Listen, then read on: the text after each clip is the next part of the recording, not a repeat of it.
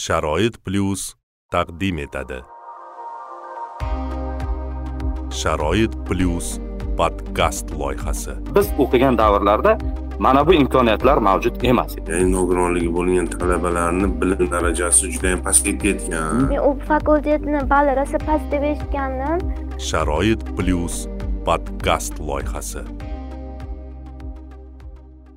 Bizning internetdagi manzilimiz www.sharoitplus.uz assalomu alaykum hurmatli bizni sharoit plyus nogironlar jamoat birlashmasining telegramdagi rasmiy kanali obunachilari. Bugun siz bilan yana virtual ravishda uchrashib turganimizdan bag'oyatda xursandmiz. Men ulug'bek mamatxonov bugun sharoit plyus podkast loyihasining keyingi soni va bugungi mehmonimiz toshev xurshid ilhomovich o'zbekiston milliy universitetining e, falsafa kafedrasi dotsenti vazifasini bajaruvchisi falsafa fanlari falsafa doktori e, va yana shuni eslatib o'tmoqchi edimki bu inson ham ko'pchiligimiz qatori nogironligi bor inson. E, oliy ta'lim tizimida bir necha yildan beri dars berib kelayotgan bizni do'stlarimizdan. Bugungi mavzuyimiz nogironligi bo'lgan insonlarni oliy ta'lim tizimida faoliyat ko'rsatishi va nogironligi bo'lgan talabalarni o'qitishdagi muammolar va yutuqlar. Mana shu mavzu atrofida suhbat qilamiz. Assalomu alaykum xurshid. Assalomu alaykum. Hammaga sharoit plyus tinglovchilari obunachilariga bahor qudrat aqlimiz yetguncha qo'ldan kelgancha harakat qilamiz rahmat. Biroz o'zingiz haqingizda gapirib bersangiz tinglovchilarimizga sizni yana ham yaxshiroq tanib olishlari uchun. Boshlovchi aytganlaridek man tosh xurshid ilhomovichman o'zbekiston milliy universiteti ijtimoiy fanlar fakulteti falsafa va mantiq kafedrasida e, sakkiz yildan beri e, faoliyat olib boraman. Bu albatta sakkiz yillik e, faoliyatimiz uzluksiz Э, o'qituvchilik faoliyati va orada э, tayanch doktorantlik bilan ham shug'ullanganmiz.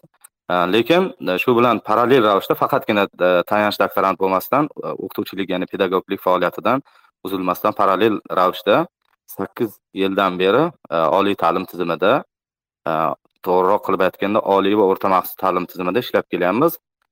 Yana bir jihatini aytib o'tish kerakki biroz nokamtarlik bo'lsa ham oliy va o'rta maxsus ta'lim e, tizimi deganimni sababi e, o'sha ikki ming o'n ikkinchi yildan boshlab hatto e, kasb hunar kollejlarida ham dars berganmiz. Ya'ni shu maxsus kollejlarda emas ya'ni sog'lomlar sog'lom nogironligi bo'lmagan shaxslar ta'lim oladigan kollejlarda ham faoliyat yuritganmiz.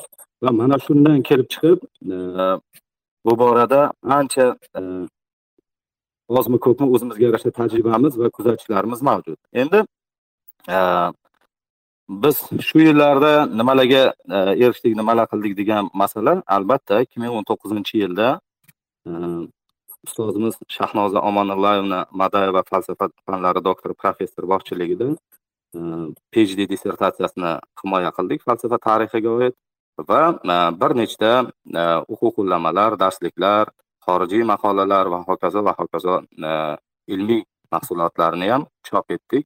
Va bu borada e, shuni ham aytib o'tish kerakki nogironligi bo'lgan shaxslar xususan ko'zi ojiz e, talabalar yoki o'quvchilar uchun ham ayrim bir o'sha o'quv uslubiy ta'minot mahsulotlarini ishlab chiqishga harakat qildik. Jumladan mana shu toshkent viloyati bilan toshkent viloyati ko'zi ojizlar jamiyati bilan birgalikda inglizcha o'zbekcha braylcha lug'at e, ishlab chiqdik. Bundan tashqarida e, ikki ming o'n to'rtinchi yilda ingliz tili saboqlari degan e, braylcha mp3 audio va yaxshi yozuvdan qolaversa word elektron formatdagi yozuvlardan bir kompleks tashkil topgan ingliz tili saboqlari nomli o'quv qo'llanmani ham ishlab chiqdik. Bir so'z bilan aytganda biz o'sha o'zimizni sakkiz yillik sakkiz yillik balkim shu taxminan to'qqiz o'n yillik desak ham bo'lar shu kollejlarda ishlagan faoliyatimizni ham qo'shib hisoblaganda.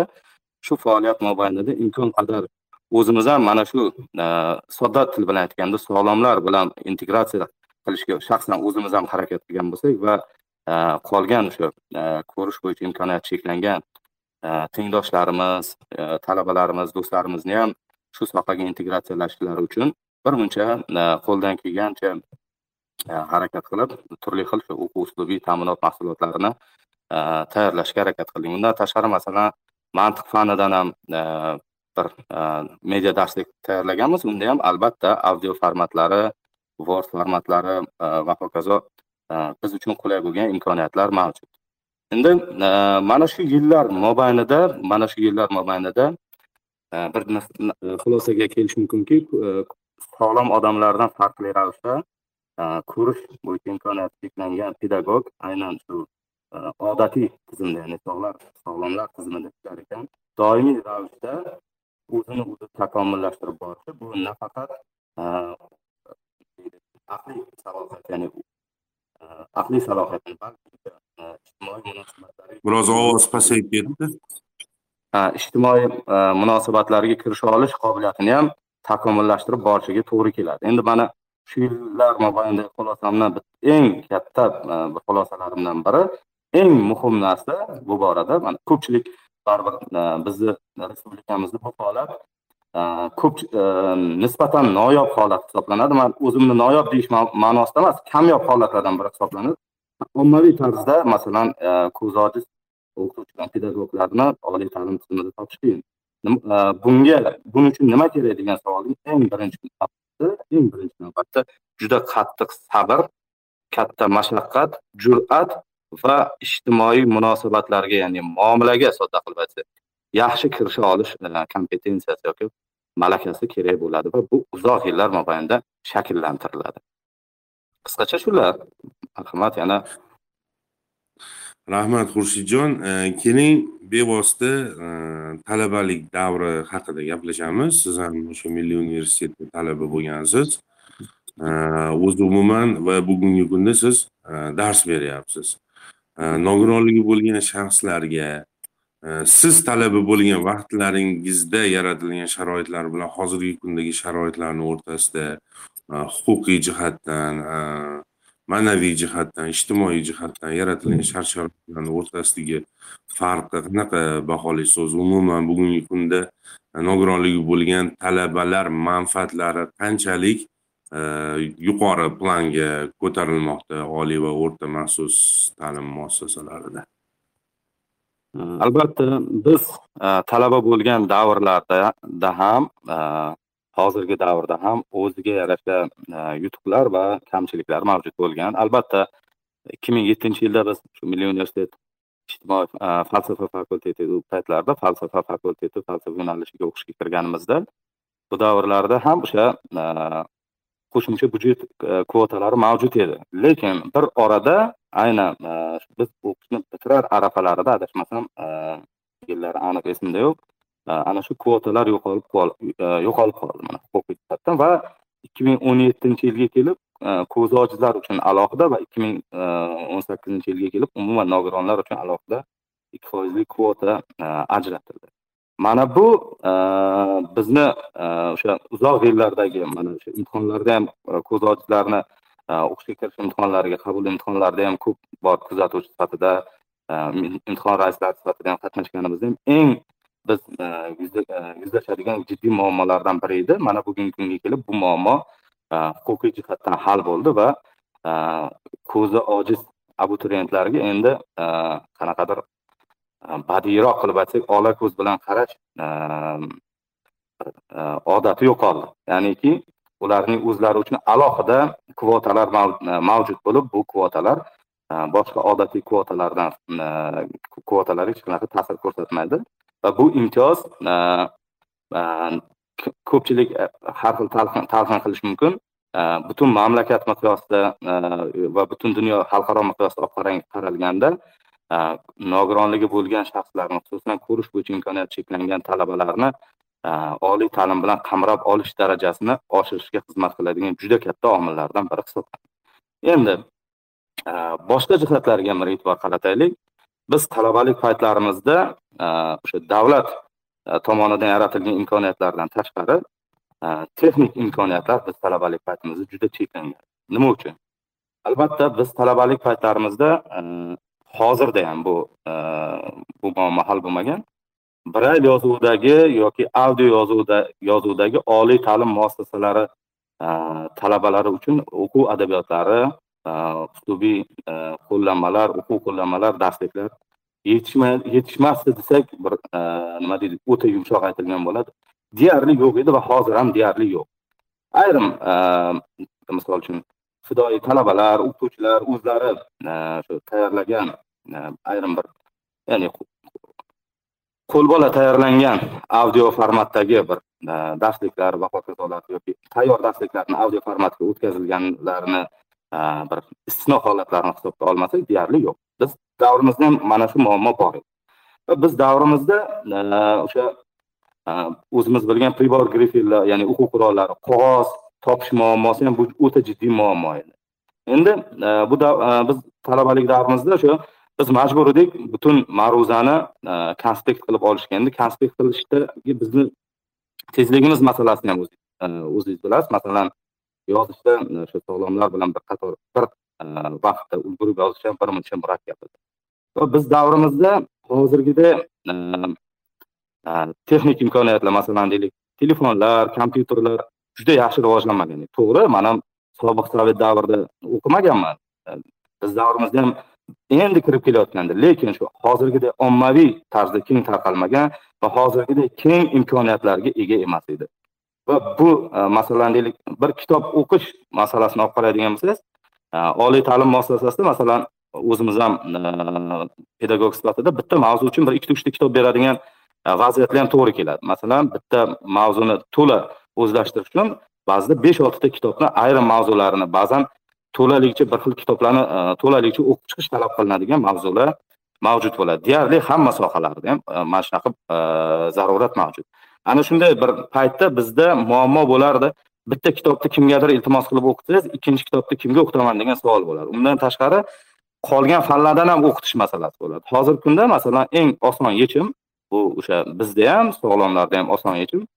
Domla e, ya'ni o'qituvchi o'ziga bitta telegramda kanal yoki guruh ochib qo'yadi. O'sha o'zini e, fani va kursi doirasida masalan deylik birinchi kurs falsafa falsafa tarixi degan bitta e, guruh guruh ochiladi telegramda va o'sha telegram e, guruhga e, istalgan mavzuga oid istalgan materialni xoh audio xoh powerpointda bo'lsin dokument word pdf xohlangan video darslar ham xohlaganini ayniqsa mana pandemiyadan keyin bu ancha faollashdi. Tashlab qo'yishi mumkin. Va bu o'qituvchini o'zi shunchaki ssilkasini tashlab ketsa ham internetdan bolalarni o'zi topib o'qishi mumkin yoki o'qituvchi beradigan Э, adabiyotga muqobil adabiyotlarni ham e, talabani o'zi topib o'qish mumkin e, imkoniyatlari paydo bo'ldi. Va biz o'qigan davrlarda mana bu imkoniyatlar mavjud emas edi. Va bu e, bugungi kundagi talabaning yaxshi o'qish o'qish o'z o'z sohasini yaxshi o'zlashtirish o'z sohasida o'ta yuksak muvaffaqiyatlarga erishish uchun juda katta imkoniyat. Hattoki hattoki endi bir biroz deylik siyqaroq gap bo'lsa ham biroz kulgiliroq mayda gap bo'lsa ham aytib o'taman. Hattoki hozir e, xorijiy tildagi adabiyotlarni e, ham ozmi ko'pmi? Mayli to'laligicha tushunib bo'lmasa ham ozmi ko'pmi o'qish imkoniyati bor. Masalan shu google translator deysiz yandeks e, tarjimonlar bor mana shu tarjimonlar orqali bo'lsa ham mayli chalaroq bo'lsa ham tushunib o'qish imkoniyati mavjud hozirgi kunda. Hatto shu darajada yaxshilashdi demoqchiman. Bu degani shu bilan o'qib e, talaba e, faqat mana shu tarjimonlardan foydalanish kerak deganini anglatmaydi. Chunki u tarjimonlarni e, nomukammal kamchiligi ko'pligini bilasizlar nomukammal dasturiy ta'minotlar baribir inson tarjima qilganidek bo'lmaydi. Lekin hattoki shu shu darajadagi imkoniyatlar ham bor. Yoki bir sodda qilib aytsak bittagina telefoningizda butun boshli kutubxonani olib yurish imkoniyati bor. Bu bugungi kun talabasini bizdanda yaxshi natijalarga erishish uchun juda katta imkoniyat yaratadi. Afsuski hozir afsuski mani kuzatishlarim natijasida aksariyat holatlarda mana shu imkoniyatlar imkoniyatlar ko'paygan sari negadir talabalarni o'qish o'zlashtirish saviyasi o'qish o'zlashtirish darajasi kundan kunga tushib borayotganini kuzatyapmiz ayniqsa o'zimizda so'ramoqchi edim o'zi xurshidjon? Shu haqda so'ramoqchi edim sizda ham imkoniyati cheklangan talabalar bo'lishi kerak. O'zi qanaqadir ko'pchilik e, domlalardan ustozlardan eshitamizki so'nggi vaqtda shunaqangi bir tendensiya paydo bo'lgan. Ya'ni nogironligi bo'lgan talabalarni bilim darajasi judayam pastayib ketgan. Degan ko'p e, shikoyatnamo bir e, fikrlarni eshitamiz. O'zi umuman aslida holat mana siz xolis baholasangiz holat qanaqa va mana shu nogironligi bo'lgan e, talabalarni umuman yoshlarni bilim darajasi agar rostdan pasayib ketgan bo'lsa bunda rol o'ynagan omillar sifatida nimalarni ko'rasiz? Albatta.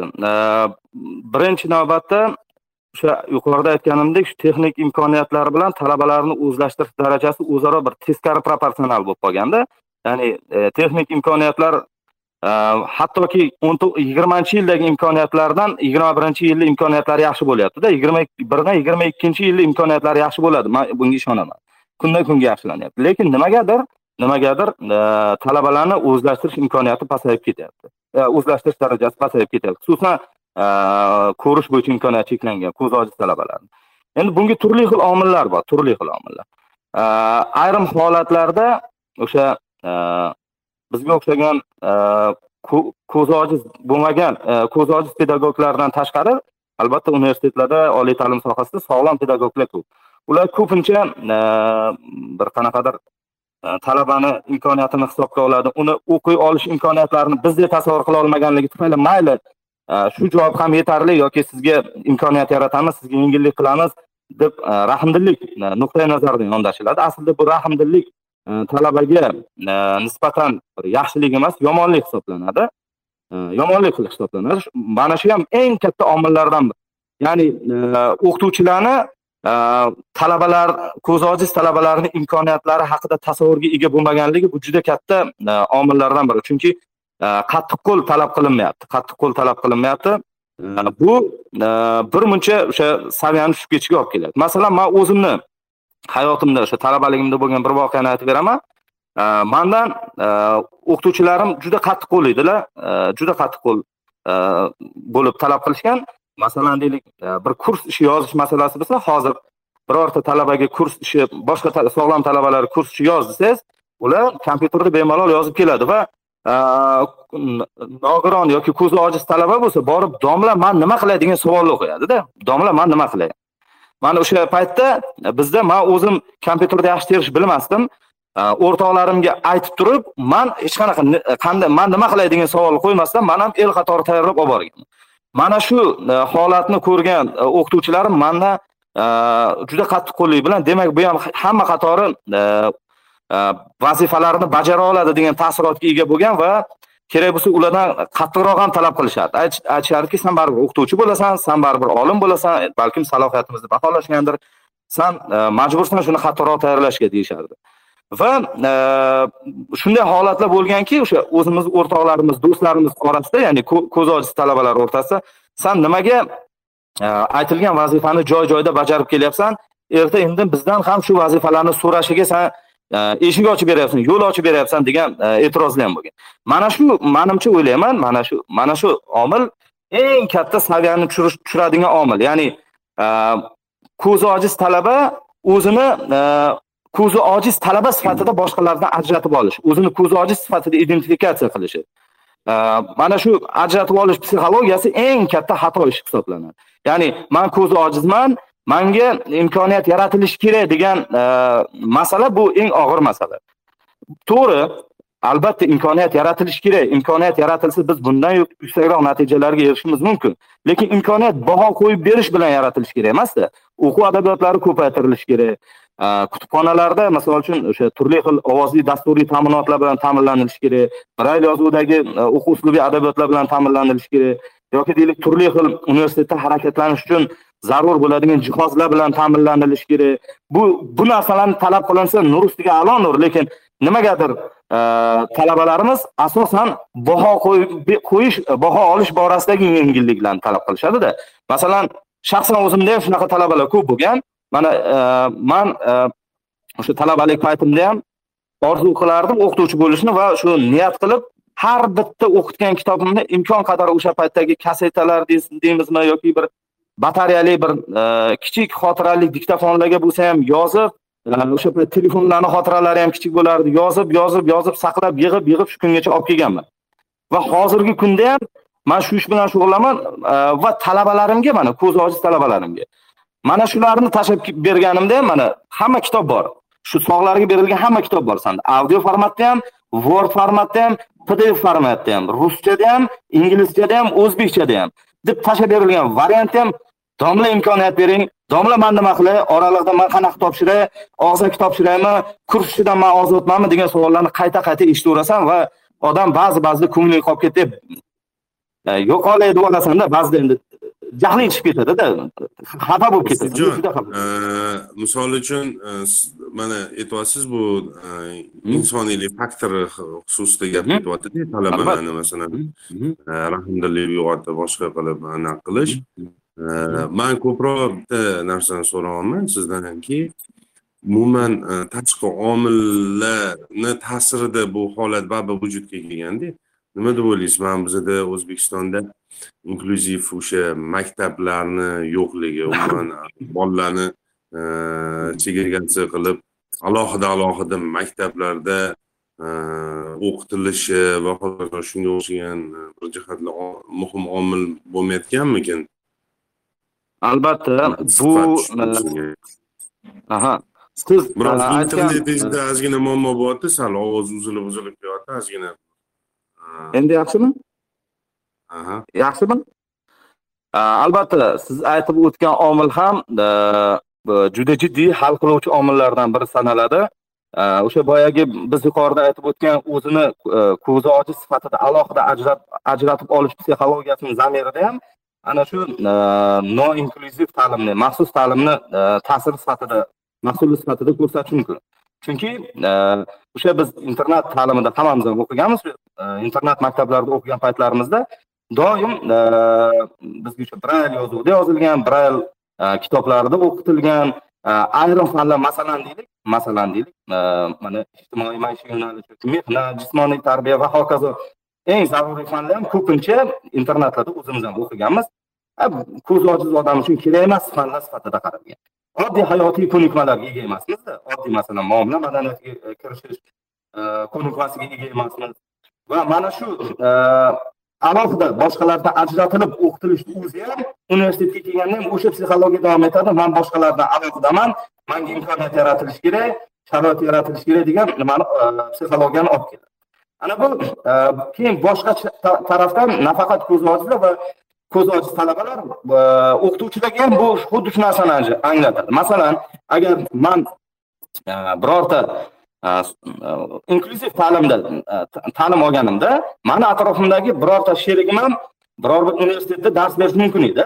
U ko'rib o'rgangan bo'lardi ko'zi ojiz bola ham o'zi qatori o'qishi u ham o'zlashtirishi u ham odatdagi odam ekanligini tasavvur qilib shakllangan bo'lardi va universitetga o'qituvchi bo'lib kelganda albatta o'sha aytadi man ko'rganman mani o'rtog'im bo'lgan mani do'stim bo'lgan mana shunaqa shunaqa o'zlashtirgan mana shunaqa imkoniyatlari bor.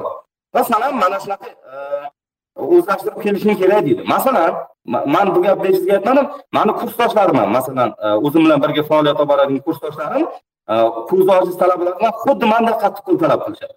Qattiqqo'llik bilan talab qilishadi va e, ba'zida kelib menga ham aytishadi ustoz kursdoshingiz bor ekan shu aka qiynayaptilar bizani sharoitimiz tushunmayapti bu deyishadi.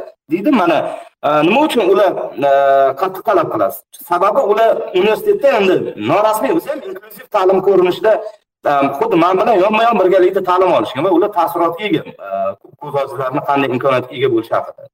Va mana shu e, talab nuqtai nazaridan qo'yishadi. Endi qolaversa internat e, maktablarimizda ham maxsus maktablarimizda ham ta'lim darajasi juda e, saviya pasayib ketgan. Bu albatta balkim ayrim o'sha tiflo tiflo ta'lim jihozlarini yetishmasligi bilan belgilanar yoki internat e, maktablaridagi e, deylik kadrlar masalasi bilan bog'liqdir. Bu bizani kompetensiyamizga kirmaydi vakolatimizga buni muhokama qilish. Lekin e, bir narsadan ko'rib biz baho beramiz. Ko'pincha kirish imtihonlarida shu imtihon raisi yoki kuzatuvchi sifatida ko'pincha qatnashib qolganlar qolgan paytlarimizda doimiy ravishda o'zimizni shu ko'z ojiz abituriyentlarni ilmiy saviyasi juda pastligiga guvoh bo'lamiz. Nafaqat ilmiy saviyasi pastligi. Oddiygina bir e, imtihonga kelish madaniyati mas'uliyatni yo'qligini ham ko'ramiz. Masalan e, yaqinda o'zim bir qatnashgan imtihonda joyini shaxslarini muhim emas shunaqa abituriyentlarga e, uchradimki pribor grifel qo'liga ko'tarib kelmagan. Lekin e, hozirgi bilasizlar e, qabul jarayonlarida majburiy fanlar bor tarix ona tili matematika. Keling e, tarix bilan ona tilini og'zaki aytish mumkin eslab qolish ham mumkin deylik. Э, matematikadan yozuvsiz э, biror biror qadam tashlash mumkin emasku. Tasavvur qiling mana shu holatda kelyapti abituriyent qo'lida pribor grifili ham yo'q qog'ozi ham yo'q. Yonidagi abituriyent pribor grifilini undan bir varaq qog'ozni olib e, yozib beryapti. Endi bu bir varaq qog'oz o'zi misolni yozishni o'ziga ketadida yetib yetmay qoladi. Endi uni ishlash uchunchi mana shu darajadagi e, man hali o'sha ilmiy saviyasini aytmayapman. Mana shu darajadagi e, madaniy saviyasi ham mas'uliyati ham past bo'lgan abituriyentlarimiz ham e, uchrayapti. Va mana shu abituriyentlar afsuski e, yaratilgan imkoniyatlarni suiiste'mol qilib o'qishga kirib va o'qish e, oliy ta'lim muassasasida ham o'zini faoliyatini xuddi mana shunday davom ettiryapti. Endi bundan tashqari ham yana boshqa omillarni ham aytish mumkin.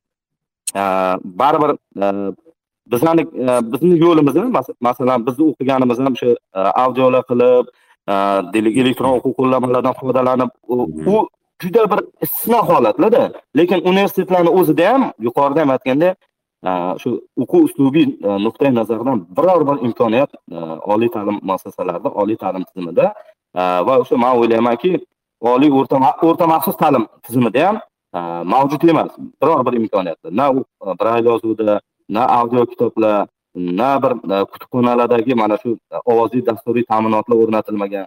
Deyarli imkoniyatlar mavjud emas. Va qolaversa qolaversa mana o'zbek demak boyagi talabalarga men tashlab beraman audio shakldagi boshqa qo'llanmalarni ular qo'l bola tayyorlangan dedimi o'z tomoningizdan albatta man o'sha aytyapman u o'quv qo'llanmalar qanaqa tayyorlangan? Man talabalik paytimda do'stlarimga o'qittirib yozdirganman yoki hozir ham yangi biror bir o'quv o'zbek tilida adabiyot chiqsa mani qo'limga tushib qolsa yoki o'zimiz tayyorlagan bo'lsa biror bir tanishimizga yoki biror bir yaqinroq shogirdlarimizga iltimos qilamiz. Ular telefonni yoqib o'zini qo'lidan kelgancha o'qib beradi. U professional e, o'quv e, uslubiy e, mahsulot emas.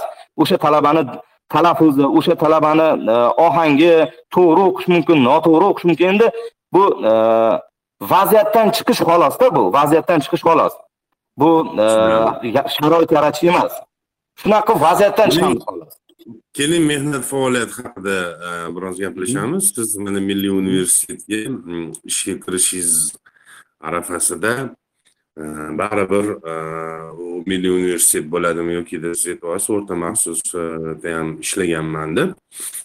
Umuman nogironligingizni belgisi sababidan kamsitishga uchraganmisiz va bu kamsitishni qanaqa qilib o'zingiz aylanib o'tgansiz bartaraf qilgansiz bir qiziqarli voqea aytib bergan edingiz bir joyga mm, e, o'sha e, o'qituvchilik uchun joylashayotganimda o'sha muassasani rahbari qora ruchkada qanday ishlaydi deb haligi rezyumengizga ham arizangizga ham savol nuqtasini qo'yib ana qilgan edi.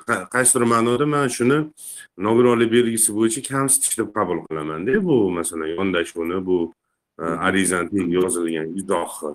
Mana shunaqa kamsitishlar sizni holatingizdan kelib misol uchun deylik ishga kirganingizdan keyingi sizni hamkasblaringiz tomonidan qanaqadir mana shunaqa kamsitishlar boshqalar shu holatlar to'g'risida gapirib bersangiz keyin iloji bo'lsa bir joylashuvingizni o'zgartirib ko'rasizmi biroz ovozingiz sal uzilib uzilib kelyapti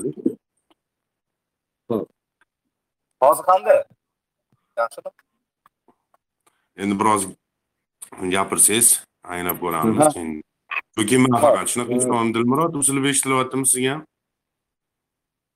yo'q manga yaxshi eshitilyapti ha bo'ldi bo'lmasa rahmat marhamat demak demak o'sha sizga aytib bergan voqeamiz bo'lgan shaxslarni aytib o'tmayman lekin aynan milliy universitetga kirishimda bo'lgan o'zi milliy universitetga ishga kirish tarixim qiziq bo'lgan milliy universitetga ishga kirishimda magistraturani bitirayotgan paytim hali orzu orzu ham yo'q edi milliy universitetda ishga olish ya'ni jur'at ham yo'q edi ishlab keta olaman yoki mani ishga oladi degan umid ham yo'q edi ustozimiz o'sha shahnotepa omonullayevni kafedra mudiriga aytdilar manga taklif qildilarki siz sizni olib qolmoqchimiz o'zlari taklif qilganlar va e, aytdilarki mana shu e, biz konferensiya o'tkazamiz konferensiyada e, bergan maqolangiz uchun nutq so'zlaysiz universitet yetakchi professorlari boshqa soha vakillari ham rahbariyat bo'ladi mana shunda bir o'zingiz ko'rsatasiz. Va man o'sha konferensiyada endi unaqa taklif bo'lgandan keyin hamma ish jonni chapdorga berib tayyorlanilgan juda jiddiy tayyorlangan va bir imkoniyat bilan o'sha konferensiyada va o'sha bir ovozdan o'sha konferensiyadan keyin rektorimiz chiqib o'zlari aytganda shu bolani man ishga olib qolmoqchiman nima deysiz degan va man qolib ketganman ishga qolib ketgan endi bu jarayon mani ishga qolinishimni hal qilish jarayoni shunchaki bir boshlanish endi hamma tabiiy biladiki e, ishga olib qolamiz degan narsa bilan buni rasmiy e, hal qilish rasmiyatchilik jihati ya'ni rasmiylashtirish jihati ana endi e, o'quv yili boshlanyapti. Man ishqa ish izlamaganman va ishga kelganman va milliy universitetga hujjatlarimni topshirganimda o'sha arizada hammamiz bilgan anaqa faksimiliya qo'yilgan. Ya'ni qo'l qo'yilmagan imzo qo'yilmagan. Va o'sha imzoni ko'rib e, rahbariyatdan o'sha paytdagi e, o'quvchilar bo'yicha prorektor tomonidan yozilgan. Qanday ishlaydi deb yozib arizamni qaytarishgan shunda e, shu kafedra mudirimiz ustozimiz va o'sha rektorimiz o'sha paytdagi g'ofirjon muhammedov isroilovich o'zlari yo'q bu bola iqtidorli bola o'zimiz bir necha marta sinab ko'rganmiz va hokazo deb olib qo'yishgan. Mana ishonch bildirib olib qo'yishgan.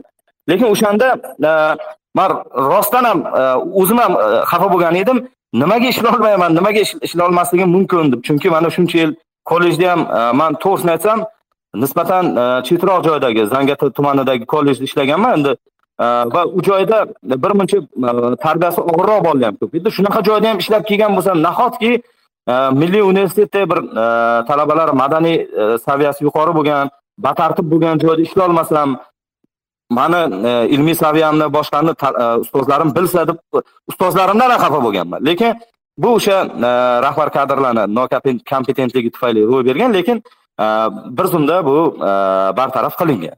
Endi bunaqa holatlar hamkasblarimiz kafedradagi faoliyatda ham bo'lib turishi mumkin lekin bizani milliy universiteti bitta jihati yaxshi aynan milliy universitetda.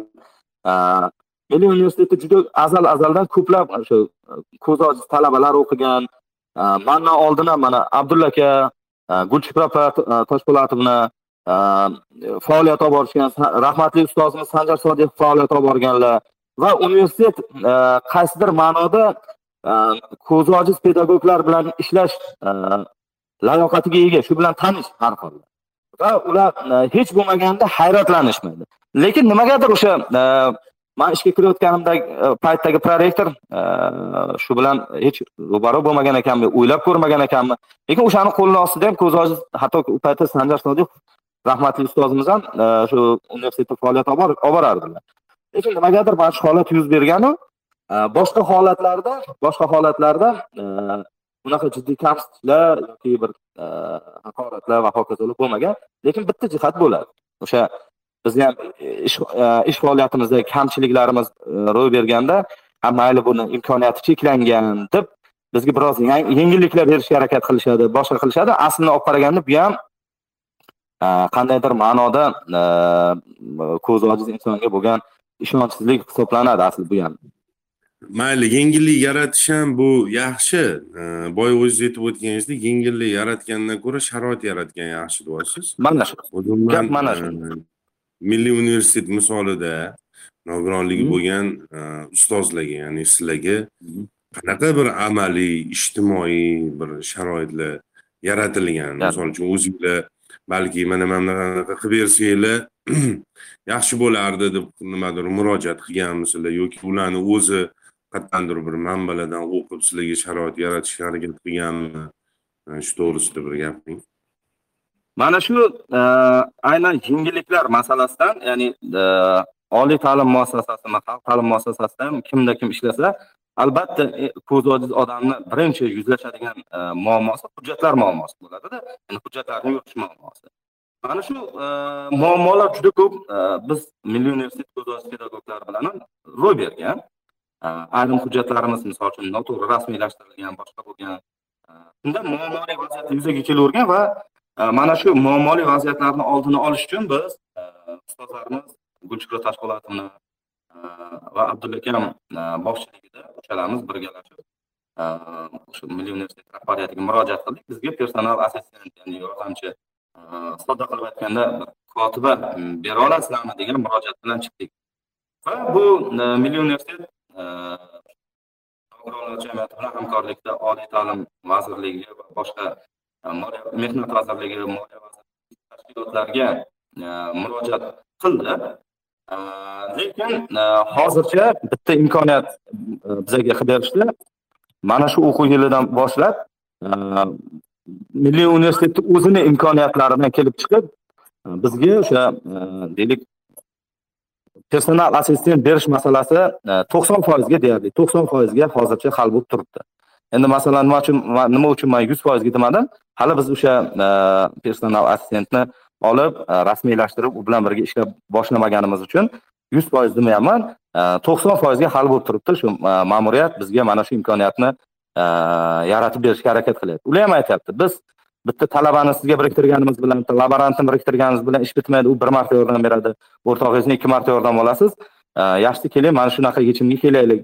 Balkim e, e, bizni kuchimiz butun respublika miqyosida buni e, qonuniylashtirishga bir butun oliy ta'lim tizimiga joriy qilishga hozircha yetmas lekin o'zimizni hududimizda ya'ni o'zimizni miqyosimizda milliy universitet doirasida mana shu masalani hal qilaylik degan fikrni bizga aytishdi va mana shu va'da berishdi. Har holda amaliy javob ham berishdi. Biz hal qildik keyingi o'quv yilidan sizlarda personal assistent bo'ladi degan. Endi masalan savol bo'lishi mumkin. Har bitta o'qituvchiga e, bittadanmi yoki e, qanaqa hal qilindi degan masala qo'yildi. Hozircha hozircha e, taxmin qilib turibmiz biza bu masalani javobi bo'lmadi hech bo'lmaganda uchalamizga bitta bo'lsa ham o'sha personal assistent berishi mumkin degan taxmin qilib turibmiz. Balkim keyinchalik keyinchalik o'sha baribir bu masala to'xtatilmaydi. Milliy universitet bizaga personal assistent bergani bilan biz ham uni o'sha e, umum olim ta'lim tizimi oliy ta'lim tizimi miqyosida e, joriy qilish uchun o'sha qonunchilik darajasida e, harakat qilamiz. Tegishli tashkilotlarga universitet bilan birgalikda lekin universitet hozir shuni kichik imkoniyat sifatida bo'lsa ham mana shu yechimga keldi mana shu qarorga keldi va yigirma bir ikki ming yigirma bir ikki ming yigirma ikkinchi o'quv yilidan bizga o'sha personal assistent qilib bermoqchi. Shtatnoy shtatli asosda oylikli asosda.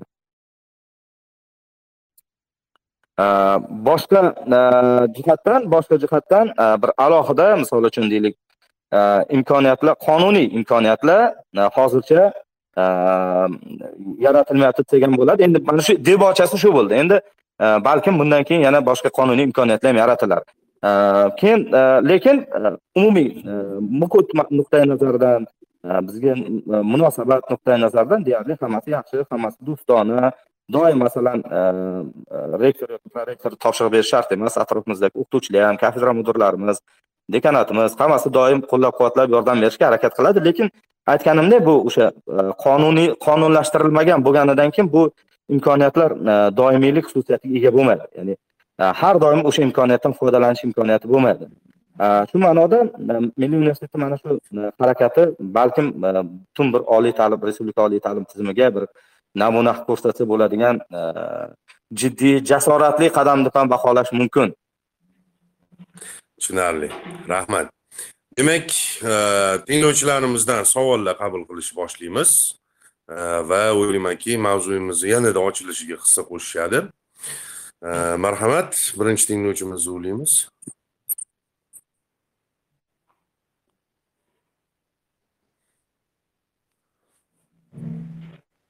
mikrofonni yoqib e, o'zinglarni tanishtirasizlar va imkon qadar qisqa lo'nda savol bersanglar domlamiz ustozimiz javob berishga harakat ismli tinglovchimiz marhamat.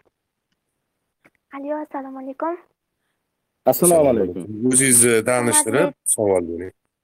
Hurmatli tinglovchilar, Dilmurod aka, assalomu alaykum.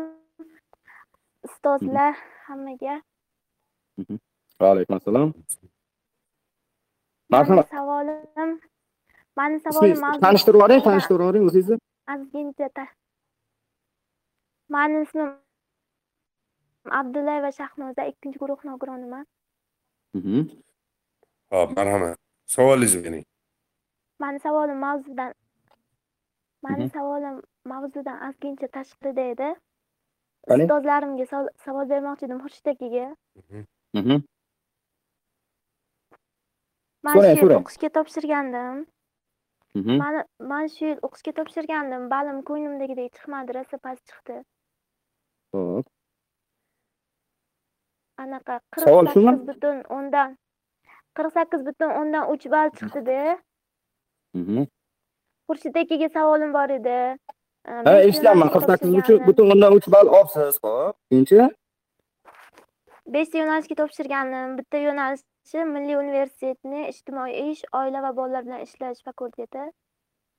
Men u fakultetni bali rosa past deb eshitgandim. O'sha fakultetga ham kirolmaymanmi? Anaqa shuni so'ramoqchi edim.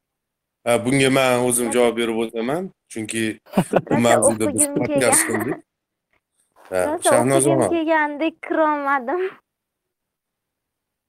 Balim rosa past chiqdi.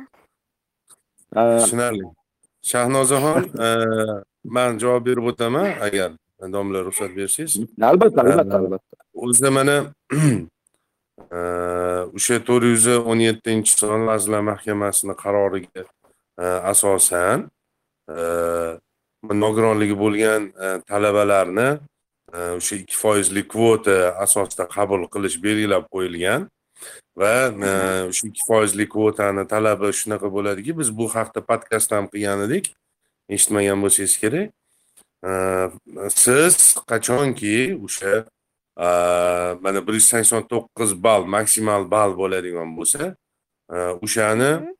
o'ttiz foizidan ziyodini ya'ni o'ttiz foizidan ko'pini e, yig'gan taqdiringizda o'shandagina e, nogironligi bo'lgan talabalar o'rtasida e, joriy qilinadigan e, o'sha konkursga tanlovga qo'shilasiz va o'sha tanlov asosida siz qabul qilinasiz. Lekin agar o'ttiz foizdan kam bo'lsa misol uchun yigirma to'qqiz foizini yig'ib qo'ygan bo'lsangiz ham siz u tanlovga sizni nomzodingiz qo'yilmaydi.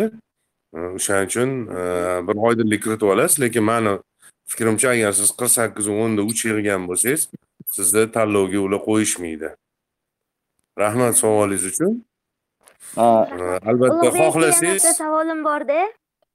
mhm. Mani o'rtog'im ko'z mani o'rtog'im anaqa ko'z ko'z bo'yicha zrenalari pastda. Hozir mana shu a, ovozli chatda ishtirok etyapti.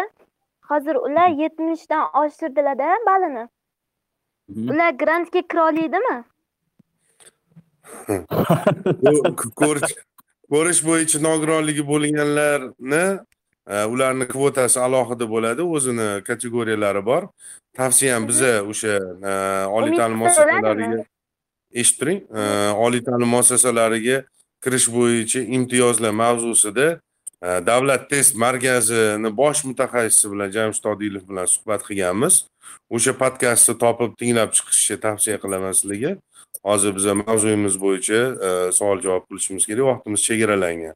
O'sha podkastda butun barcha barcha imtiyozlar butun imkoniyatlar hamma narsa haqida e, suhbat bo'lgan. Topib eshitib chiqsanglar e, yaxshi bo'ladi. O'n oltinchi iyul kuni u suhbat bo'lgan. Dilmurod marhamat keyin tinglovchimiz bo'laylik man uzr shu mavzu bo'yicha bitta savol bermoqchi edim chunki siz ham tinglovchisiz sizga ham imkon beramiz marhamat shu qiziq savol bor edi manda. E, Xurshid aka e, gapirdilar e, sharoit yaratish kerak ya'ni nogironligi bo'ladimi nogironligi bo'lmaydimi? Agar sharoit yaratilgan bo'lsa ya'ni teng ravishda o'sha talab qilish kerak talabadan hamda abituriyentdan. Endi abituriyentga ham o'tkazdim man shu argumentni. Endi bizda hozir o'sha ikki foizli kiritilgandan so'ng Э, hozircha shunaqa talablar bo'lyaptiki mana nogironligi bo'lgan birinchi va ikkinchi guruh nogironligi bo'lgan abituriyentlardan talab pastroqda ya'ni e, ularni kirish bali judayam past qilingan. E, mana shu e, nima deydi imtiyozni siz oqlaysizmi? Shu haqida bir savol bermoqchi edim xurshid akaga rahmat mhm.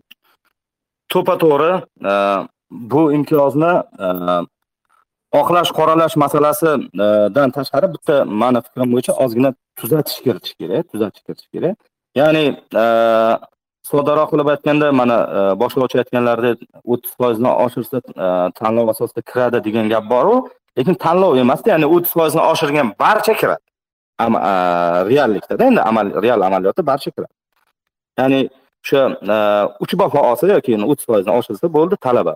Э, mana shunda э, o'ttiz foizdan oshganlarni o'rtasida yuqoridan pastga qarab tabaqalashgan э, deylik anaqani joriy qilinsa kirish ballari e, kirish e, imtihonlari ballarini tabaqalashtirilgan ya'ni eng yuqoridan pastga qarab e, olinadi deyilsa balkim o'shanga qarab bolalar ham yuqoriroq ball olishga harakat qiladi. Hozir ozgina o'qisa bo'ldi ozgina o'qisa bo'ldi kiradi. Endi mana ochiq aytganda nima uchun yana bitta buni man ham salbiy munosabatda bo'lganimni e, sabablaridan bittasi e, masalan o'sha e, hozirgi singlimiz ham savol beryaptilar qirq sakkiz nechi eng past bali past fakultetga topshirib ham kirolmadim deyaptilar.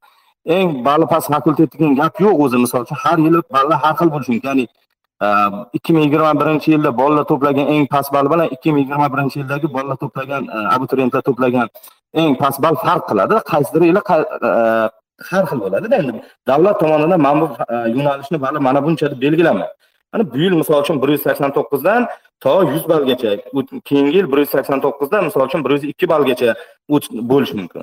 Xuddi mana shu tarzda e, bizga ham joriy qilinsa balkim e, shu abituriyentlarimizni saviyasi balandroq bo'lishiga va bu oliy ta'limga kelgan talabani ham oz bo'lsa ham o'qishga tayyor bo'lib kelishiga oliy ta'limda o'qishiga tayyor bo'lib kelishiga xizmat qiladi.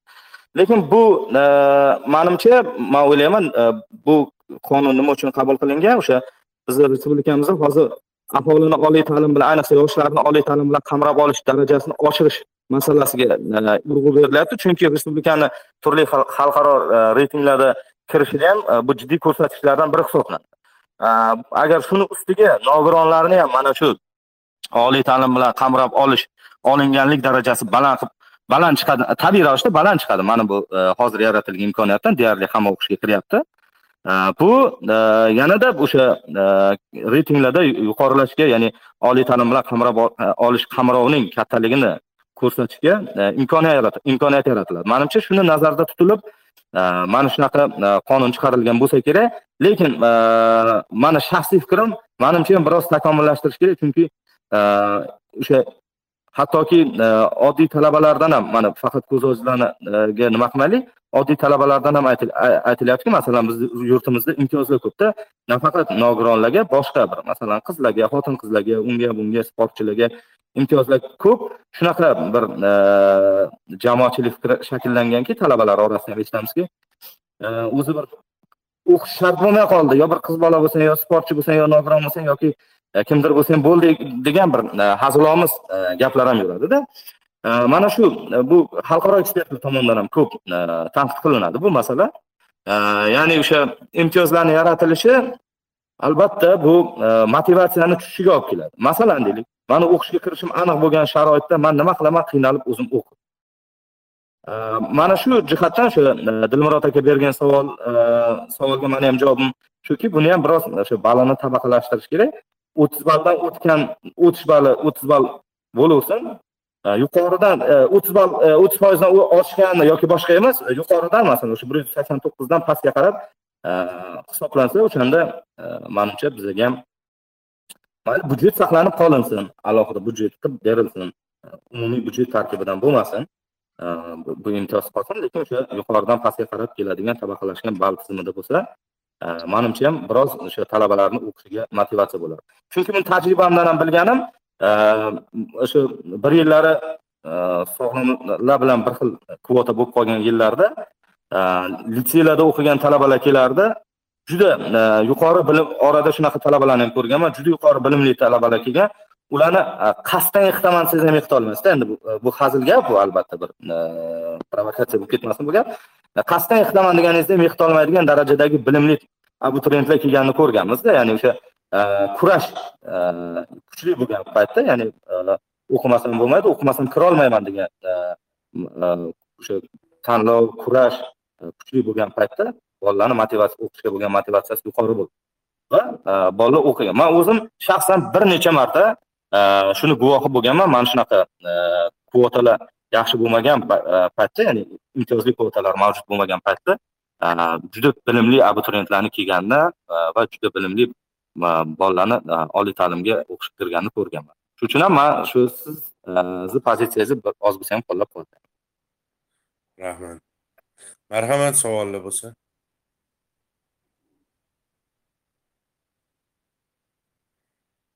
rasul ismli tinglovchimiz sizga mikrofon yoqtirgandim. Mikrofoningizni yoqing marhamat. Alo assalomu alaykum. Yaxshimisizlar? Assalomu alaykum. Assalomu alaykum. Marhamat tanishtiring men qoraqalpog'istondan ro'zbek rasulbek bo'laman. Э, meni savolim shundan iborat ediki hozir nogironlik bir yilga berilib turibdiku. Muddat shu o'tgan oyga to'g'ri kelib qoldida men dtm ro'yxatdan o'tkazish vaqtiga to'g'ri kelib qoldida. Mhm. men eski nogironlik vt qog'ozim bilan ro'yxatdan o'tgan edim. Hozir kecha yangi vt qog'ozimni oldim men. Shu muammo bo'l- bo'lmaydimi? Shuni so'ramoqchi edim. Э, uzr so'rayman. Biza e, qabul masalasi bilan gaplashmayapmiz. Lekin mayli qisqacha sizga yo'nalish beraman. O'sha davlat test markaziga murojaat qilishni tavsiya qilaman. O'sha yerda e, bunaqa voqealar oldin ham bo'lgan lekin e, agar nima deydi ular e, qonuniy bir chorasini topishsa o'sha yerdagi ro'yxatdagi sizni mm, hujjatingizni yengillab qo'yishadi. Manimcha unaqa muammo bo'lmasa kerak. Lekin uzr so'raymiz iltimos mavzuga oid savollar berishni so'rardim. Mavzuga oid savollarni kutib qolamiz. Marhamat keyin tinglovchimiz assalomu alaykum assalomu alaykum bitta savolim bor edida o'zingizni tanishtiring ha o'lmasova madinaman aha.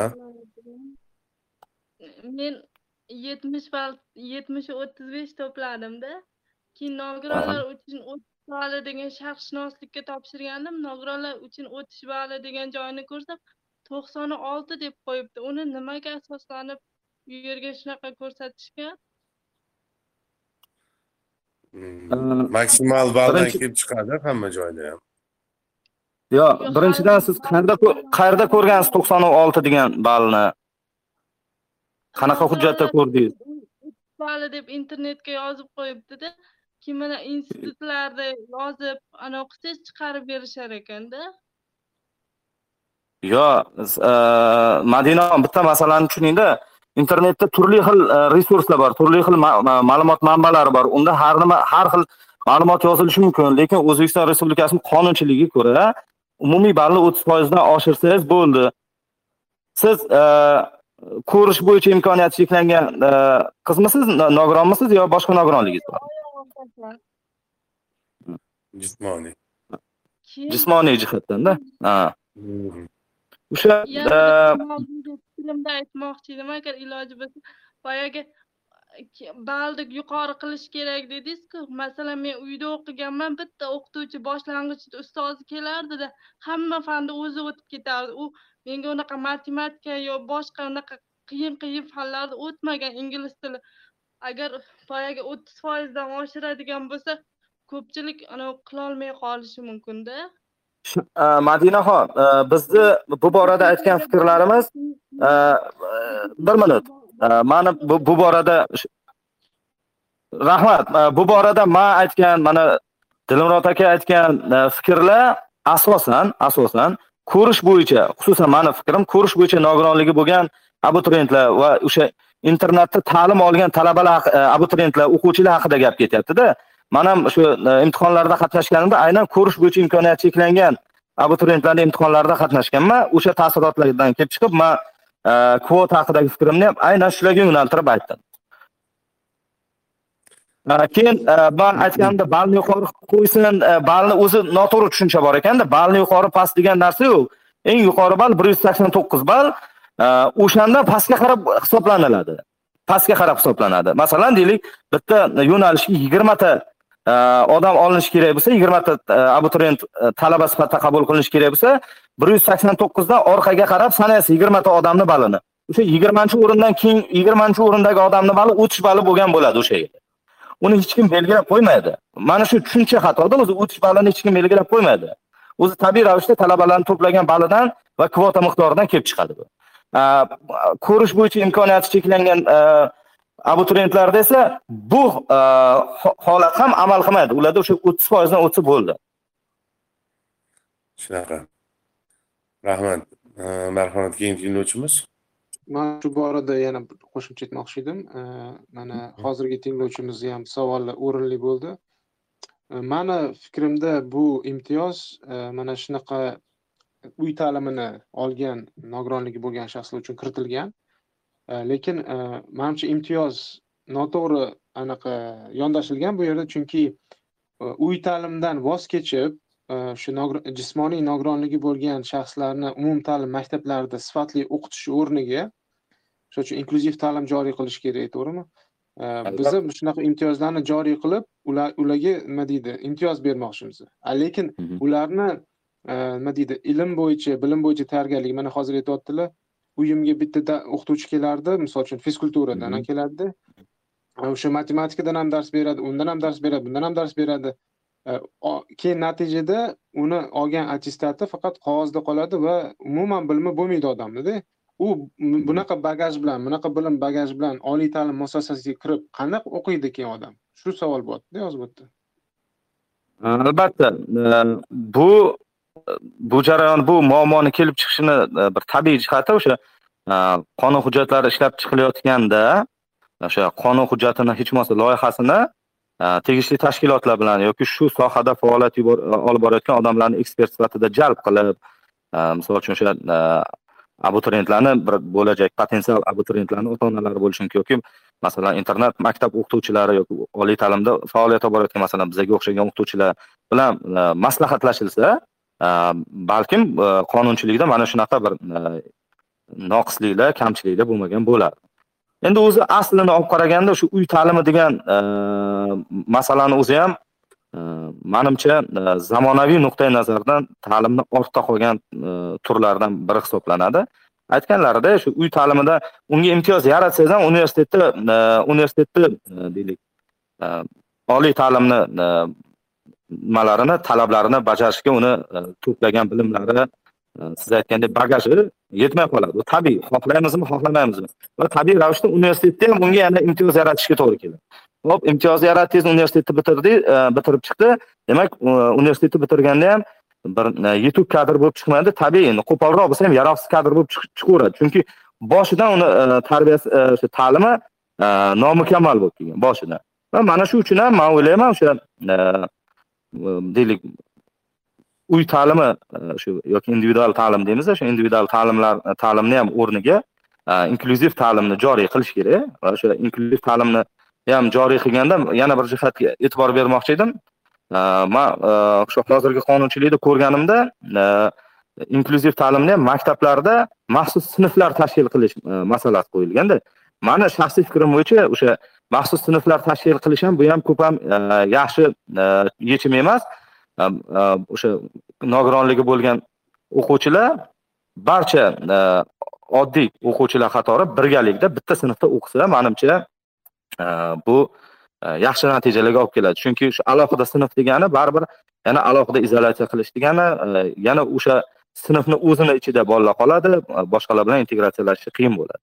Masalan e, bir yillari shunaqa e, bo'ldiki to'qqiz yillik ta'lim bo'lgan yillarida hamma majburiy litsey kollejlarga o'tgan yillarda e, biz talabalar o'quvchilarimiz ham nogironligi bo'lgan ko'rish masalan ko'rish bo'yicha nogironligi bo'lgan o'quvchilar ham litsey kollejlarida ta'lim olishdi va ular ham o'sha maxsus sinflarda emas odatdagi an'anaviy sinflarda o'qishdi va mani kuzatishim bo'yicha ayniqsa mana litseylar o'quvchilari talabalari Э, juda yaxshi natijalarga erishdi. Man e, o'zim shaxsan taniydigan e, bolalarni ham bilaman. Hozir mana oliy ta'limni ham a'lo baholarga bitirgan magistraturalarni a'lo baholarga bitirgan. Hattoki bir e, bizga bir nima deydi tasavvur qilishimiz qiyin bo'lgan til sohasi matematika degan matematika fanlari bo'yicha ham nafaqat gumanitar mana shu aniq fanlar bo'yicha ham sog'lar bilan bir qadamni o'zlashtirib mukammal ta'lim olib chiqqan talabalar bo'lgan. Ana shu inklyuziv norasmiy e, majburiy bo'lib qolgan o'sha payt inklyuziv ta'lim e, endi inklyuziv ta'lim deb atalmagan bo'lsa ham o'sha ustozlar bilan birgalikda o'qishga to'g'ri kelib qolgan va ularni e, natijalari ancha yaxshi bo'lgan. Man shu ma'noda man ham o'sha dilmurod akani fikrlariga qo'shilaman. Individual ta'lim yoki shu uy ta'limi bu yaxshi natija bermaydi va inklyuziv ta'lim va inklyuziv ta'lim bo'lganda ham shunchaki birgalikda o'qitish emas o'shani dasturiy texnik moddiy bazaviy ta'minotlari bilan bo'lgan o'sha kadrlar masalasi bilan ta'minlangan mukammal inklyuziv ta'lim bo'lsa manimcha yaxshi natija beradi rahmat. Javob uchun. Bizada savol berishni istagan tinglovchilarimiz bo'lsa shokir aka marhamat. Mikrofoningizni yoqsangiz assalomu alaykum hurmatli tinglovchilar tashkilot assalomu alaykum xurshid ilhomovich sizga savolim bor edi meni marhamat sizni yuqorida jonkuyarlik bilan bildirgan fikrlaringizga qo'shilmasdan hech iloji yo'q. Uni rad ham qilib bo'lmaydi. Shu yerda meni bir savol qiziqtiryaptiki mana ko'zi ojiz o'qituvchilarga o'sha assistent masalasi haqida rahbariyatingiz bilan muhokama qilinganligi haqida gap bo'ldi shu ko'zi ojiz talabalarni ijtimoiy muhofazasi masalasida ya'ni qanday? Ta'limdagi. Biror bir takliflar shu paytgacha ko'z ojiz o'qituvchilar tomonidan ma'muriyatga bildirildimi? Nega so'rayapman buni? Shaxsan sizni o'zingizni rahbarligingiz ostida biz ikki ming o'n yettinchi yil yozida uncha muncha ishlarga qo'l urishni boshlagan edikda afsus biz viloyatga qaytdik. Biz shu biz yonimizdagi do'stlarimizni ham viloyatga qaytishi oqibatida shu ish qolib ketdi. Hozirgi kunda mana shunday tashabbuskor talabalar atrofingizga jamlashni imkoni yo'qmi? Nega bu taklifni bildiryapman milliy universitet bugun o'zbekistonda ko'zi ojiz talabalarni qabul qilgan eng katta kontingentga ega. Menimcha eng birinchi bo'lib sharoitlar mana shu universitetda yaratilishi kerak. Bu mana hozir siyosatimizda ham bir yaxshi naql paydo bo'ldi falon viloyat tajribasi degan gap. Shundan milliy universitet tajribasi balki o'zbekistonda bir nima deydi? Estafeta vazifasini o'tab berar. Shu haqida nima deb o'ylaysiz? Sizni fikrlaringiz qanday? Ya'ni mana hozir o'ttiz foizlik kvotaga ham biroz shikoyatlarim bor edi nega teng ta'lim olish imkoniyatlari mavjud bo'lmagan sharoitda bunaqangi tenglashtirish menimcha yaxshi bo'lmasa kerak. Ho'p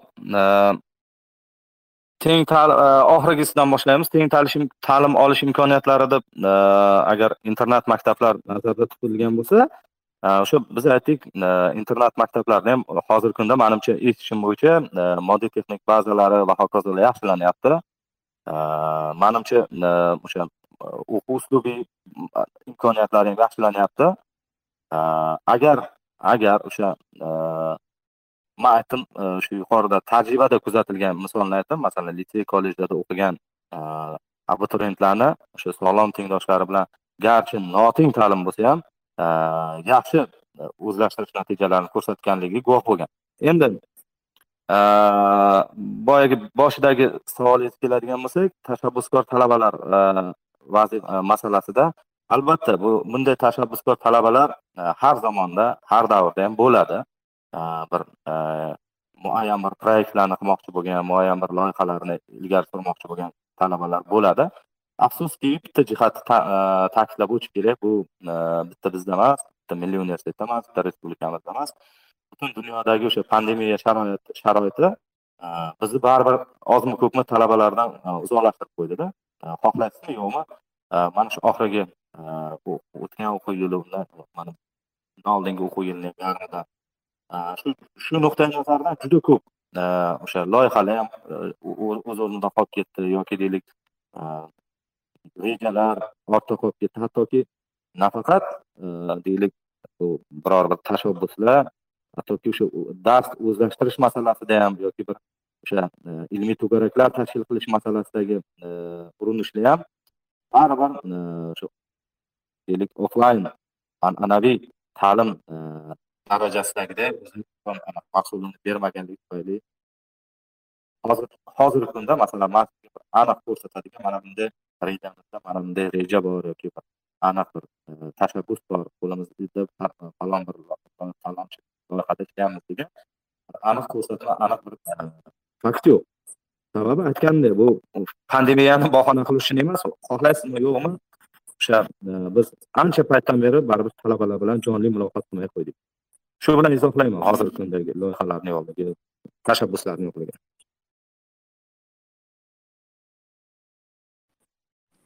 Rahmat. Rahmat. E, vaqtimiz o'zi chegaralangan.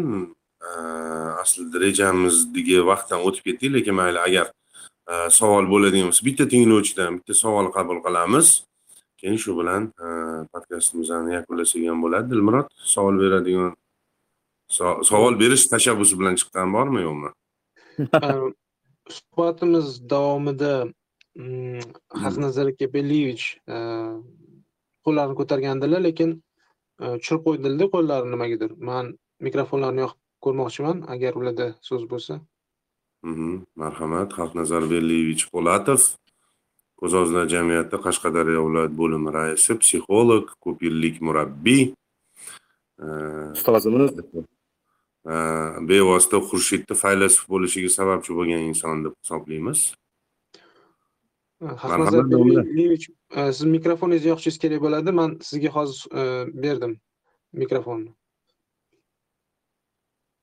o'rta tugma bu bilan e, yoqish kerak mikrofonni Ha, agar telefondan kirgan bo'lsanglar e, o'rtadan adashmasam yashil rangli tugma albatta.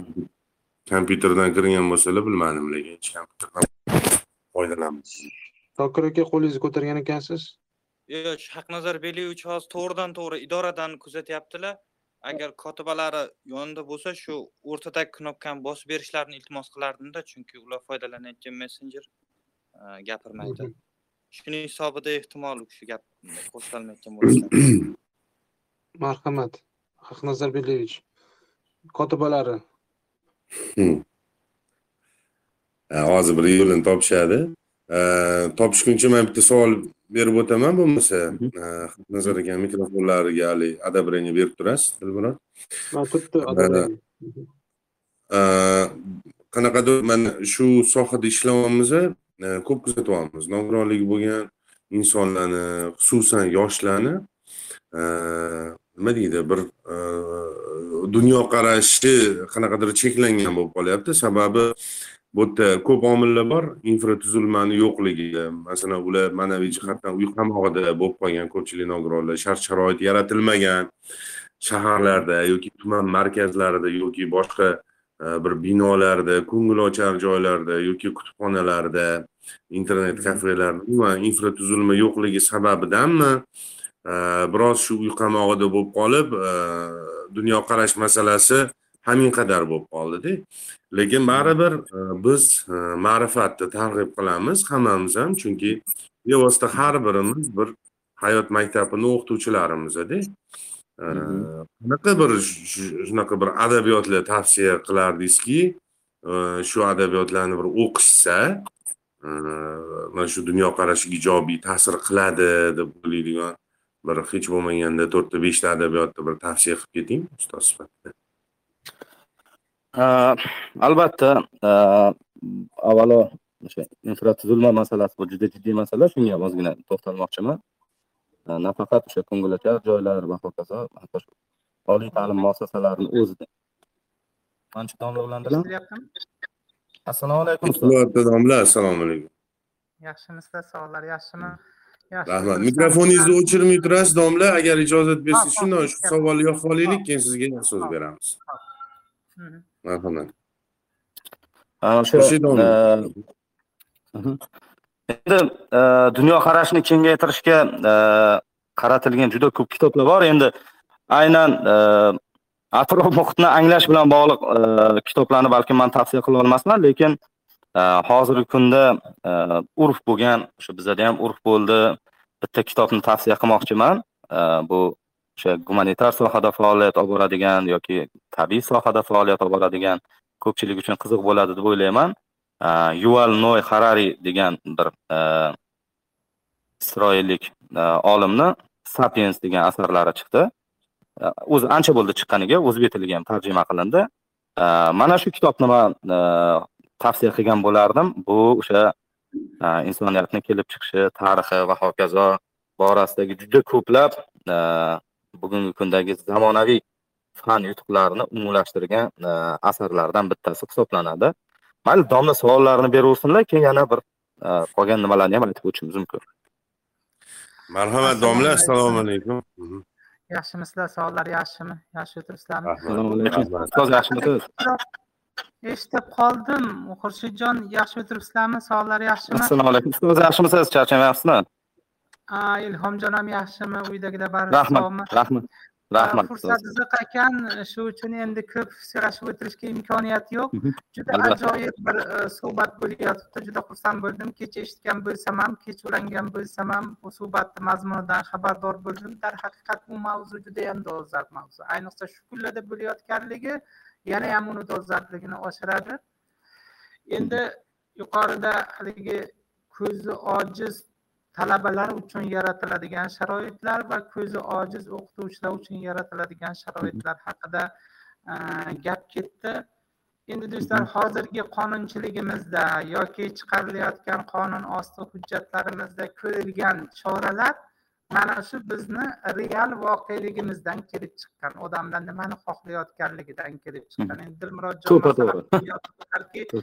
e, haligi bu qilingan imtiyozlar odamni boqimondalik chorlab qolmaydimi yoki bu imtiyoz sharoit emas e, deganga o'xshaganroq munosabat bildiryaptilar. Agar biz chekkadan qarasak xuddi shunday. Lekin hozirgi talabalarni yoki abituriyentlarni holati hozirgi ko'z ojizlarimizni hayotga qarash holatidan kelib chiqqan bir narsa. Hali aytiladiku o'zlaringizga munosib rahbarlarni qo'yamiz deganda o'zlaringizga munosib qonunlarni yaratamiz desa ham to'g'ri bo'ladi o'sha shunday bo'ladida. Endi biz nima qilmoqimiz kerak? degan gap. Xurshidjon aytdilar internet maktablar haqida yoki inkluzivlik to'g'risida gapirdilar. Endi inkluzivlikni ham boshlash kerak. Qachon edi erta edi bugun edi deb emas. Juda to'g'ri aytdilar. Haligi o'rta maxsus ta'lim muassasalarida ham ko'z ojizlar o'qidi. Bundan oldin ham pre sser ham xuddi shunday bo'lgan sser davrida ham sakkizinchi sinfni to'qqizinchi sinfni bitirgandan keyin odamlar texnikumlarda yoki maxsus haligi san'at maktablarida o'qishgan sog'lom kishilar bilan. O'qishgan yaxshi natijalarga ham erishishgan ammo kimni o'qitish kerak inklyuziv degan bir masala turadida endi og'ir darajadagi nogironlarni o'qitib bo'lmaydi. Ular uchun maxsus ta'lim zarur bo'ladi. Shu uchun kimga maxsus ta'lim kimga inklyuziv ta'lim lekin ta'lim uchun sharoitni yaratish kerak. Hali Albatta. teng bo'lmagan ta'lim sharoitlari dedi bu gapda ham jon bor. Teng bo'lmagan ta'lim sharoitlari degani axborot olishni hali imkoniyati bizaniki ko'zi sog'lom bolalarniki bilan teng emas hali judayam orqada balki yevropada bu ancha yuqori darajaga erishgandir. Lekin e, judayam o'zimizda orqada. Oddiygina o'zbek tezariqlari haqidagi gaplar ham bir gurillab yondiyu shu bilan hozircha haliyam hayotga tatbiq etilmagan. Bolalarimiz o'shandan foydalanib internetdagi axborotlarni ham olisholmayapti juda kam ma'lumot olyaptilar endi man doimo mana bu test bilan an'anaviy imtihonning hozirgi ko'rinishiga qarshi chiqqanman ko'zi ojiz abituriyentlar uchun test berilmasdan an'anaviy imtihon tashkil qilishamiz deyishadi. Mana haligi hozirgi spikerimiz deymizmi nima? Xurshidjonni otalari ham o'qigan paytda an'anaviy imtihon topshirganlar an'anaviy Albatta. avgust oyida bir yigirmanchi avgustga qadar har besh kunda to'rt kunda bitta bitta fandan imtihon topshirilardi. Man ikki uch yildan buyon masalan qarshi davlat universitetidagi qabuldan xabardor bo'lib kelaman rasman murojaat qilishadi rasman aralashaman. Bormaymanu lekin o'sha tashkil qilishda qatnashaman. Shunda bir kunda beshta fandan imtihon olishadida an'anaviy endi dahshatku u sog'lom odamni jismoniy jihatdan charchatib yuboradi. Ana u testdan ko'ra an'anaviy imtihon juda og'ir bo'ladi uni beradigan stresslari juda kuchli bo'ladi haligi. Yuzma yuz turib imtihon topshirishni.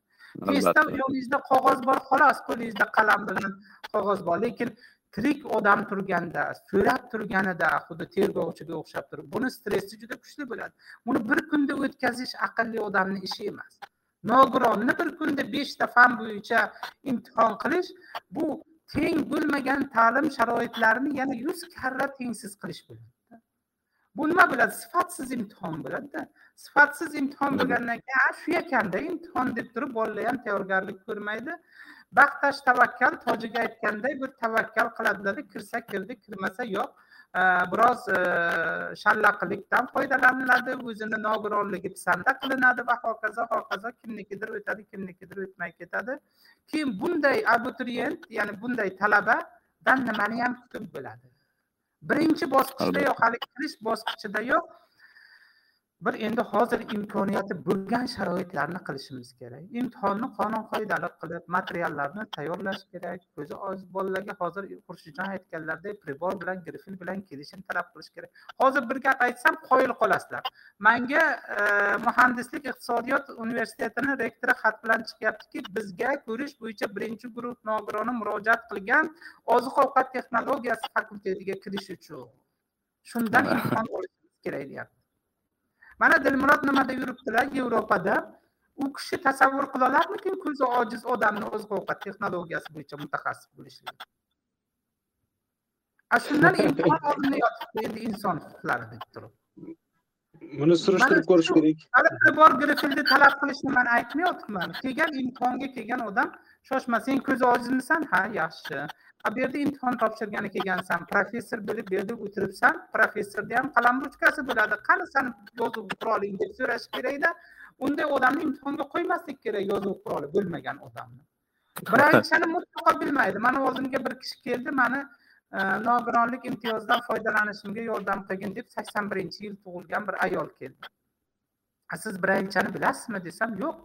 Nima degani u brailcha yozuv deydi. Ana shu universitetda o'qirmishda o'rtoqlar mana shuning uchun menimcha universitetlarga qabul komissiyasi o'rtoqlarini ham yoki o'sha qabul komissiyasi tomonidan tashkil etiladigan imtihon komissiyasi vakillarini ham bir ozgina kimdan imtihon olayotganini bu odamlarni jismoniy va aqliy imkoniyati nimalarga yetishligidan xabardor qilishimiz kerak menimcha xurshidjon mana shu e, ko'zi ojiz o'qituvchilarga yaratiladigan shart sharoitlar haqidagi masala bir paytlar ko'zi ojizlar jamiyati tomonidan ko'tarilgan ediyu lekin shundan manfaatdor bo'lgan tomonlar bu ishga qo'shilmagan edi. Xurshidjon sizni shu ko'zi ojizlar jamiyati bilan birgalikda ish qilishga bu masalani ko'zi ojizlar jamiyati shafeligida hukumat oldiga qo'yishga chaqirib qolgan bo'lardim sizlar qildingizlarmi shundoq ishlarni biror marta avvalo e, ustoz rahmat e, oxirgi savol qismidan boshlaymiz. Munosabat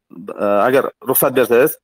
Biza buni o'sha ustozlarimiz abdulla akam gulchehra opa toshpo'latovna boshchiligida qildik va o'sha abdulla akam bilan birgalikda nogironlar jamiyati bilan hamkorlikda mana shu hukumat darajasiga murojaat qilishga harakat qilindi. Universitet bilan o'sha nogironlar jamiyatini hamkorligida xatlar nogironlar assotsiatsiyasi bo'lsa kerak chunki abdullaga ha ha nogironlar assotsiatsiyasi Mhm.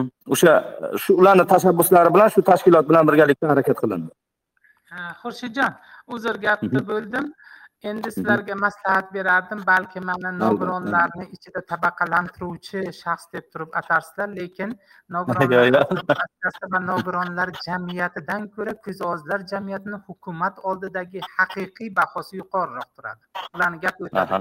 Va hozirgi kunda o'zbekiston respublikasi prezidentining o'zkojni tashkil etilganligini to'qson yilligiga bag'ishlab katta bir qaror loyihasi tayyorlanyapti shuni ichiga shu masalani kiritib yuborish ham ma'qul Mumkin. agar bilan chiqsangizlar o'zbekiston ko'zi ozlar jamiyati markaziy boshqaruviga uni shaxsan raisiga murojaat qilsangizlar aqlli yigit albatta u bu ish bilan shug'ullanadi. Rahmat ustoz. Har doim ustozimiz bo'lgansiz. Har doimgidek o'sha e, bizga maslahatlaringizni ayamay hozirgi kunda ham hayotimizni yaxshilash uchun e, o'zingizni maslahatlaringiz bilan ko'mak berganingiz uchun albatta rahmat. Keyin boyagi inklyuziv ta'lim masalasida endi man e, qisqagina aytdimki inklyuziv ta'limni yo'lga qo'yishda ham albatta o'sha moddiy texnik baza e, kadrlar masalasi e, dasturiy uslubiy e, o'quv uslubiy dasturiy ta'minotlar va hokazolarni hisobga olgan holda dedim va shu boradagi qonunchilikni takomillashtirishda ham mana soha vakillari masalan shu nogironlar jamiyatlari ko'z ojizlar jamiyati bo'lishi mumkin yoki shu sohada ishlayotgan boshqa ijtimoiy ish deb umumiy nomda atasak ijtimoiy ish xodimlari bilan yoki e, shu sohadagi abituriyentlar va hokazolar bilan maslahatlashgan holda qonunchilikni takomillashtirilsa albatta e, qonunchilikda mana shunaqa ziddiyatli mantiqan e, ziddiyat kasb etuvchi masalalar savollar yuzaga kelmaydi deb o'ylayman. Keyin boyagi imtihon masalasida keladigan bo'lsa ustozimiz aytdilar an'anaviy imtihon masalasiga kelinadigan bo'lsa mani fikrim bo'yicha o'zi aslida o'sha dilmurod aka aytganlaridek sharoit yaratilganda edi o'sha test test uchun bizda ham o'sha boshidan sharoit yaratilganda internatlarda ham o'sha e, nima deydi e, mana shunga yetarli tayyorgarlik bo'ladigan e, o'quvchilarni yetishtirib chiqish imkoniyati bo'lganda texnik jihatdan ham masalan kompyuterda test ishlay olish va hokazo va hokazo imkoniyatlari ham bo'lganda uni tashkil qilsa bo'lardi. Hozirgi kundagi an'anaviy imtihonlarni bu yaratilgan sharoit yoki boshqa deb emas yuqorida ham aytganda aytganimda vaziyatdan chiqish ruscha ruschasida выход из положения deganda vaziyatdan chiqish deb baholash mumkin. Nimadir qilib bo'lsa ham shu shu- vaziyatdan chiqish kerak shularni ham o'qishga kirishni ta'minlash e, ma'nosidagi bir yechim deb qarash kerak deb hisoblayman.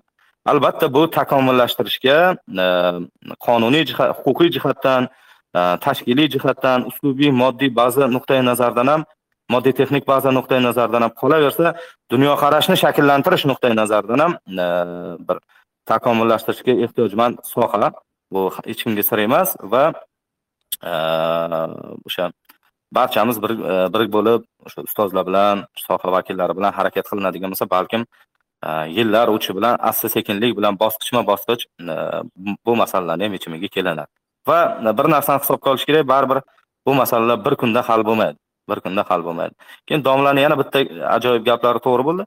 O'sha e, hozir qonunchilikda bizga berilgan imtiyozlar ham rostdan ham e, real voqelikni aks ettiradigan e, jihatlari bor. Rostdan ham o'sha abituriyentlarimiz o'zlariga o'sha tenglar teng sharoit yaratilishini emas albatta bir yengilliklar yaratilishini xohlaydi. Bu ham buni ham nima bilan izohlash mumkin? Chunki o'sha nima uchun go'yoki jonni qiynashni xohlamaydi chunki yoshligidan o'sha internat ta'limidan boshlab ularga yaxshi imkoniyatlar yaratilmagan. Masalan texnik imkoniyatlar kimdir yaxshi ta'lim olmagan kimdir misol uchun e, deylik e, onlayn test qiladigan bo'lsa kompyuterda test ishlashni bilmaydi. Bu talabani o'ziga bog'liq emas shunaqa e, imkoniyatlar yaratilmagan ya'ni shart sharoitlar yaratilmagan. Ana shundan kelib chiqib hamma ham iloji boricha yengilroq o'tishni boshqa qilishni xohlaydi chunki boshqa yechim yo'q o'zi.